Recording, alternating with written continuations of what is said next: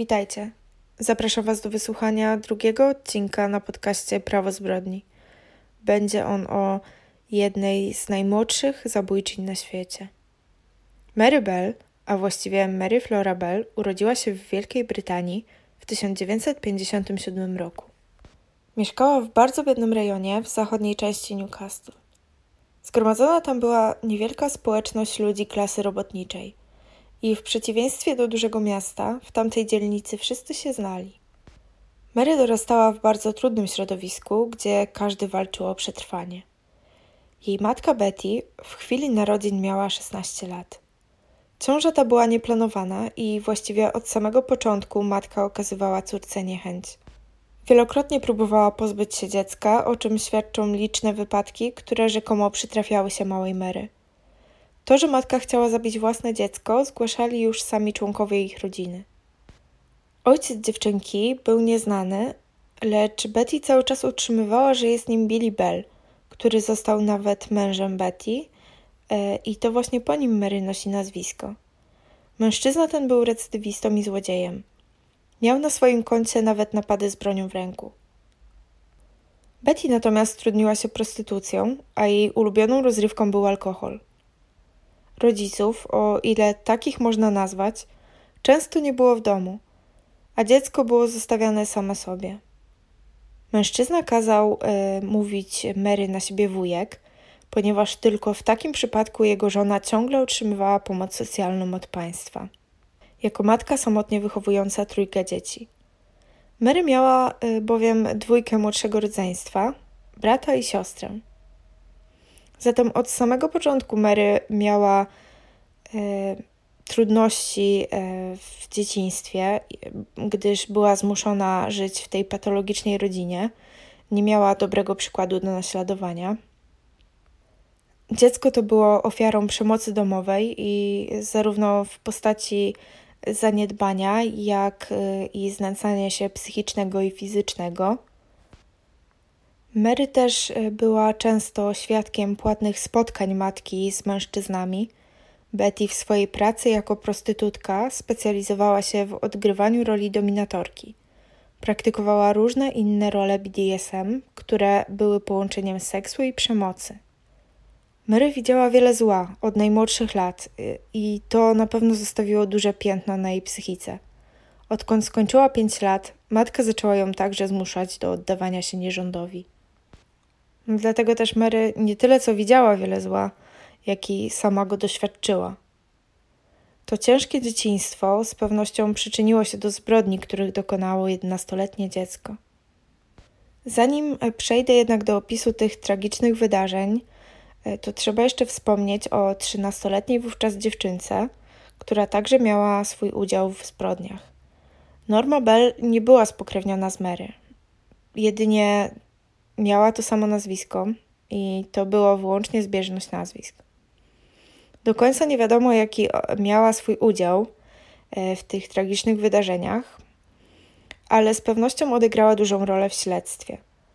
Podobno Mary manipulowała swoją starszą koleżanką, a ta zgadzała się na wszystko, co poleciła jej Mary.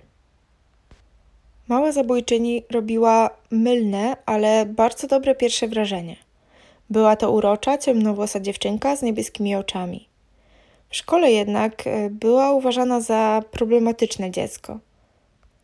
Podobno już w przedszkolu gasiła papierosy na twarzy koleżanek, a jedna nawet koleżanka miała być przez nią e, duszona. Innej dziewczynce natomiast e, miała wpychać piasek do buzi, podczas gdy jej przyjaciółka Norma przytrzymywała ją przy ziemi.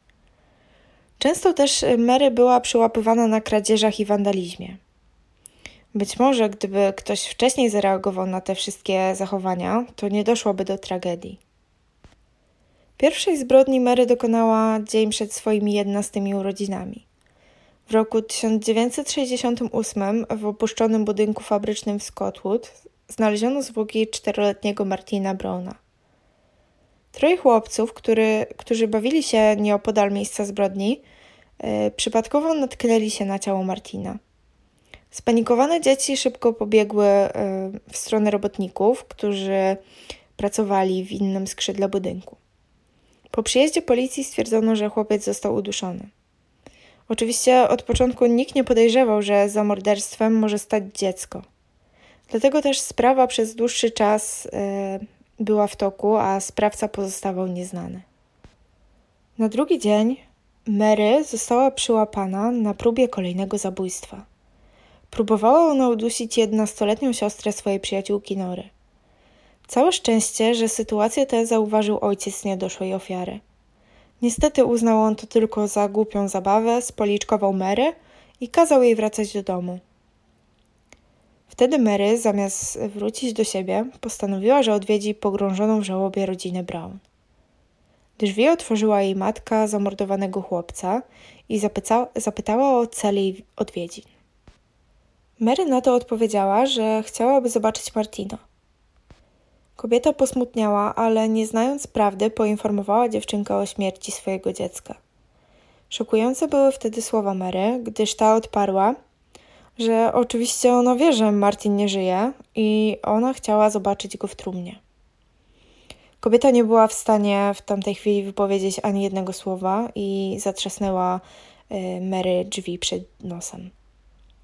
W rozmowach z dziennikarzami Jane Brown, matka Martina, podkreślała, że nigdy nie przyszłoby jej przez myśl, że tak małe dziecko może chcieć zobaczyć martwą osobę. Jakiś czas po zabójstwie Martina, Mary Bell i Nora włamały się do pobliskiego żłobka. Zdemolowały go, rzucając po podłogach sali korytarzach przybory szkolne oraz y, wszelkie środki czystości, które się tam znajdowały. Ponadto zostawiły karteczki z napisami. Chciałabym właśnie przytoczyć e, te napisy, które znajdowały się na tych karteczkach. Zamordowałam i zrobię to ponownie. Walcie się. Zamordowałyśmy, więc uważajcie. Fanny i Fagot. Zamordowałyśmy Martina Brauna. Pieprzcie się. Policja w ogóle nie powiązała tego ze śmiercią chłopca i całą sytuację uznano za żart. W przyszłości Mary Bell wyznała, że podczas pisania tych wiadomości razem z Norą bardzo się śmiały. Traktowały to wszystko jako wspaniałą zabawę. 31 lipca 1968 roku Mary Bell dokonała kolejnego zabójstwa. Udusiła trzyletniego Briana Howe. Tym razem nie była jednak sama, gdyż towarzyszyła jej Norma. E, dziewczynki ciało chłopca pozostawiły na rzadko uczęszczanym, otwartym terenie. Jak prawdziwy seryjny morderca, i tutaj przykładem może być e, Ted Bundy, którego na pewno każdy z Was zna, Mary wróciła po jakimś czasie do miejsca zbrodni. Okaleczyła wówczas ciało i pozostawiła na jego brzuchu wyrytą literę M. Co ciekawe, policja zauważyła, że początkowo była to litera N, ale później ktoś e, inną ręką zmienił ją na literę M. I tutaj teraz nasuwają się pytania, czy to Norma, czy Mary okalczyła chłopca. Może to jednak Norma zaczęła, a Mary tylko dokończyła. Nie poprzestano jednak na wyryciu litery na brzuchu chłopca, e, gdyż okaleczono też jego nogi oraz genitalia. Pocięto je nożyczkami. Co ciekawe, e, siostrze chłopca, Pat Howe, w poszukiwaniach Briana pomagały Norma i Mary. Razem, gdy przekroczyli tory kolejowe prowadzące do strefy przemysłowej, gdzie dzieci ze Scottwood bawiły się często materiałami jakimiś budowlanymi, starymi samochodami. Pat była bardzo zmartwiona e, i wtedy Mary wskazała na duże betonowe bloki. Stwierdziła, że być może Brian grał tam za blokami i między nimi gdzieś tam się znajduje. Na co Norma odpowiedziała, że nie, bo on nigdy tam nie chodził. A w rzeczywistości to właśnie tam leżał martwy chłopiec. Zwłoki dziecka znaleziono tego samego dnia, co zaginął, o godzinie 23.10. Ciało było przykryte chwastami i stertą trawy. Policja po odnalezieniu ciała Briana zaczęła przesłuchiwać uczniów pobliskiej szkoły, y, ze względu na to, że ofiarami były dzieci. Prawdopodobnie Mary nie przykułaby uwagi policji, gdyby nie to, że usilnie próbowała zrzucić winę na kogoś innego. Mary twierdziła, że widziała ośmiolatka, który zaczepiał Briana i nawet bez powodu go uderzył. Mówiła również, że chłopiec ten y, miał mieć przy sobie nożyczki, które opisywała szczegółowo, co było już podejrzane, bo wiadomość o nożyczkach nie była podana do publicznej wiadomości. Oczywiście chłopiec ten to był fałszywy trop, o czym policja szybko się dowiedziała, gdyż w chwili zabójstwa znajdował się z rodzicami na lotnisku. Dodatkowo uwagę śledczych zwróciło to, że Mary była spokrewniona z swoją pierwszą ofiarą, z Martinem Brownem. Mary podczas pogrzebu swoich ofiar wydawała się być zadowolona z siebie, śmiała się, y, a podczas pogrzebu Briana poprosiła nawet, by pozwolono jej zobaczyć ciało chłopca w trumnie. I podobno powiedziała do obecnych tam dorosłych, że to ona jest morderczynią. Ze względu jednak na osobowość Mary i to, że była ona uznawana za niegrzeczne dziecko, każdy uznał to za niesmaczny żart. Sam detektyw Dobson, który prowadził e, tę sprawę, opowiadał, że widział, e, jak Mary Bell stała naprzeciwko domu państwa Hall, kiedy wyprowadzono trumnę. Był tam e, i oczywiście ją obserwował. Kiedy zobaczył jej zachowanie, stwierdził, że nie ośmieli się ryzykować kolejnego dnia. Ona tam była, śmiała się, a śmiejąc się pocierała ręce. I wtedy też pomyślał: Mój Boże, muszę ją zatrzymać, inaczej zrobi to ponownie. Przełom w śledztwie nastąpił, gdy Norma, dręczona prawdopodobnie wyrzutami sumienia, wyjawiła detektywom, że w dniu śmierci Briana Mary przyszła do niej i powiedziała, że go zabiła. Zabrała ją na miejsce zbrodni i przy niej okaleczyło ciało. Oczywiście Mary Bell była dumna ze swoich czynów. Po zeznaniu Normy policja zaczęła przesłuchiwać ponownie Mary Bell. Skłamano jej, że ktoś widział ją i ofiarę tamtego dnia. Wtedy dziewczynka już całkowicie zaczęła plątać się w swoich zeznaniach i wielokrotnie złapano ją na kłamstwie. Po jakimś czasie przyznała, że wie, co się stało tamtego dnia. Nie wskazała jednak, że to ona zabiła Briana, a całą winą obarczyła Normę. Dodała też, że to Norma chciała dodatkowo obciąć nogę i ucho Brianowi, ale nie doszło do tego, gdyż usłyszały czyjeś kroki, przestraszyły się i wtedy uciekły. Norma wszystkiemu zaprzeczyła, ale istotne jest to, że na ubraniu Briana znaleziono również włókna z ubrania Normy. Mary Bell i jej przyjaciółka Norma zostały postawione przed sądem w dniu 5 grudnia 1968 roku. Podczas procesu Norma została uniewinniona.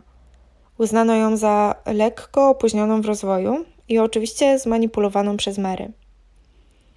Mary określono natomiast jako dziecko bardzo agresywne, brutalne y, i niezdolne do odczuwania jakichkolwiek uczuć.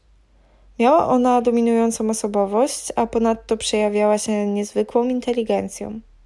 Podczas rozmów z lekarzami Mary opowiadała, że lubi robić krzywdę innym, że właśnie to sprawia jej przyjemność.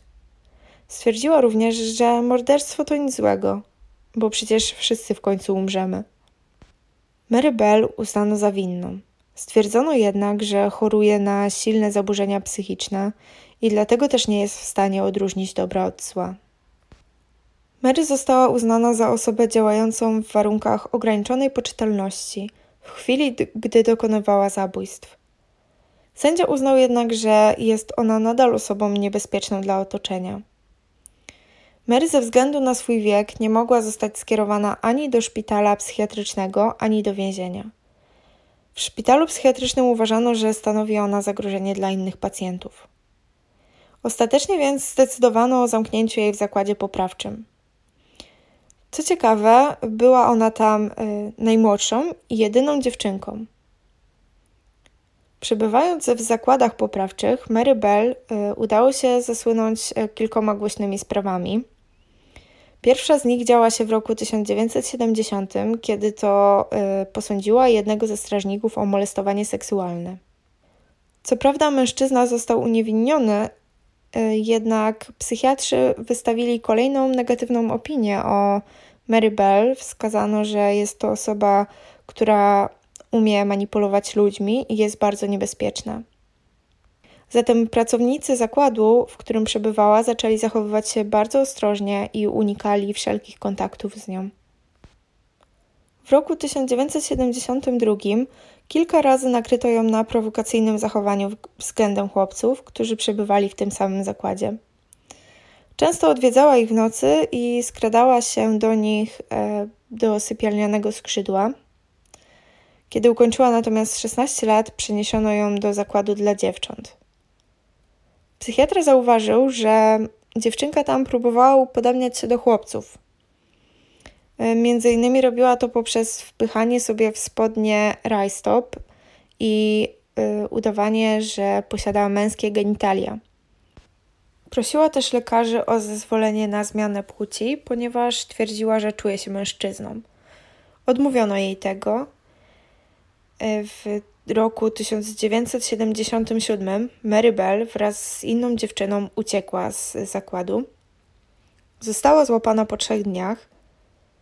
E, wtedy w mediach pojawiła się informacja, że podczas ucieczki oddała swoje dziewictwo przypadkowo poznanemu chłopakowi.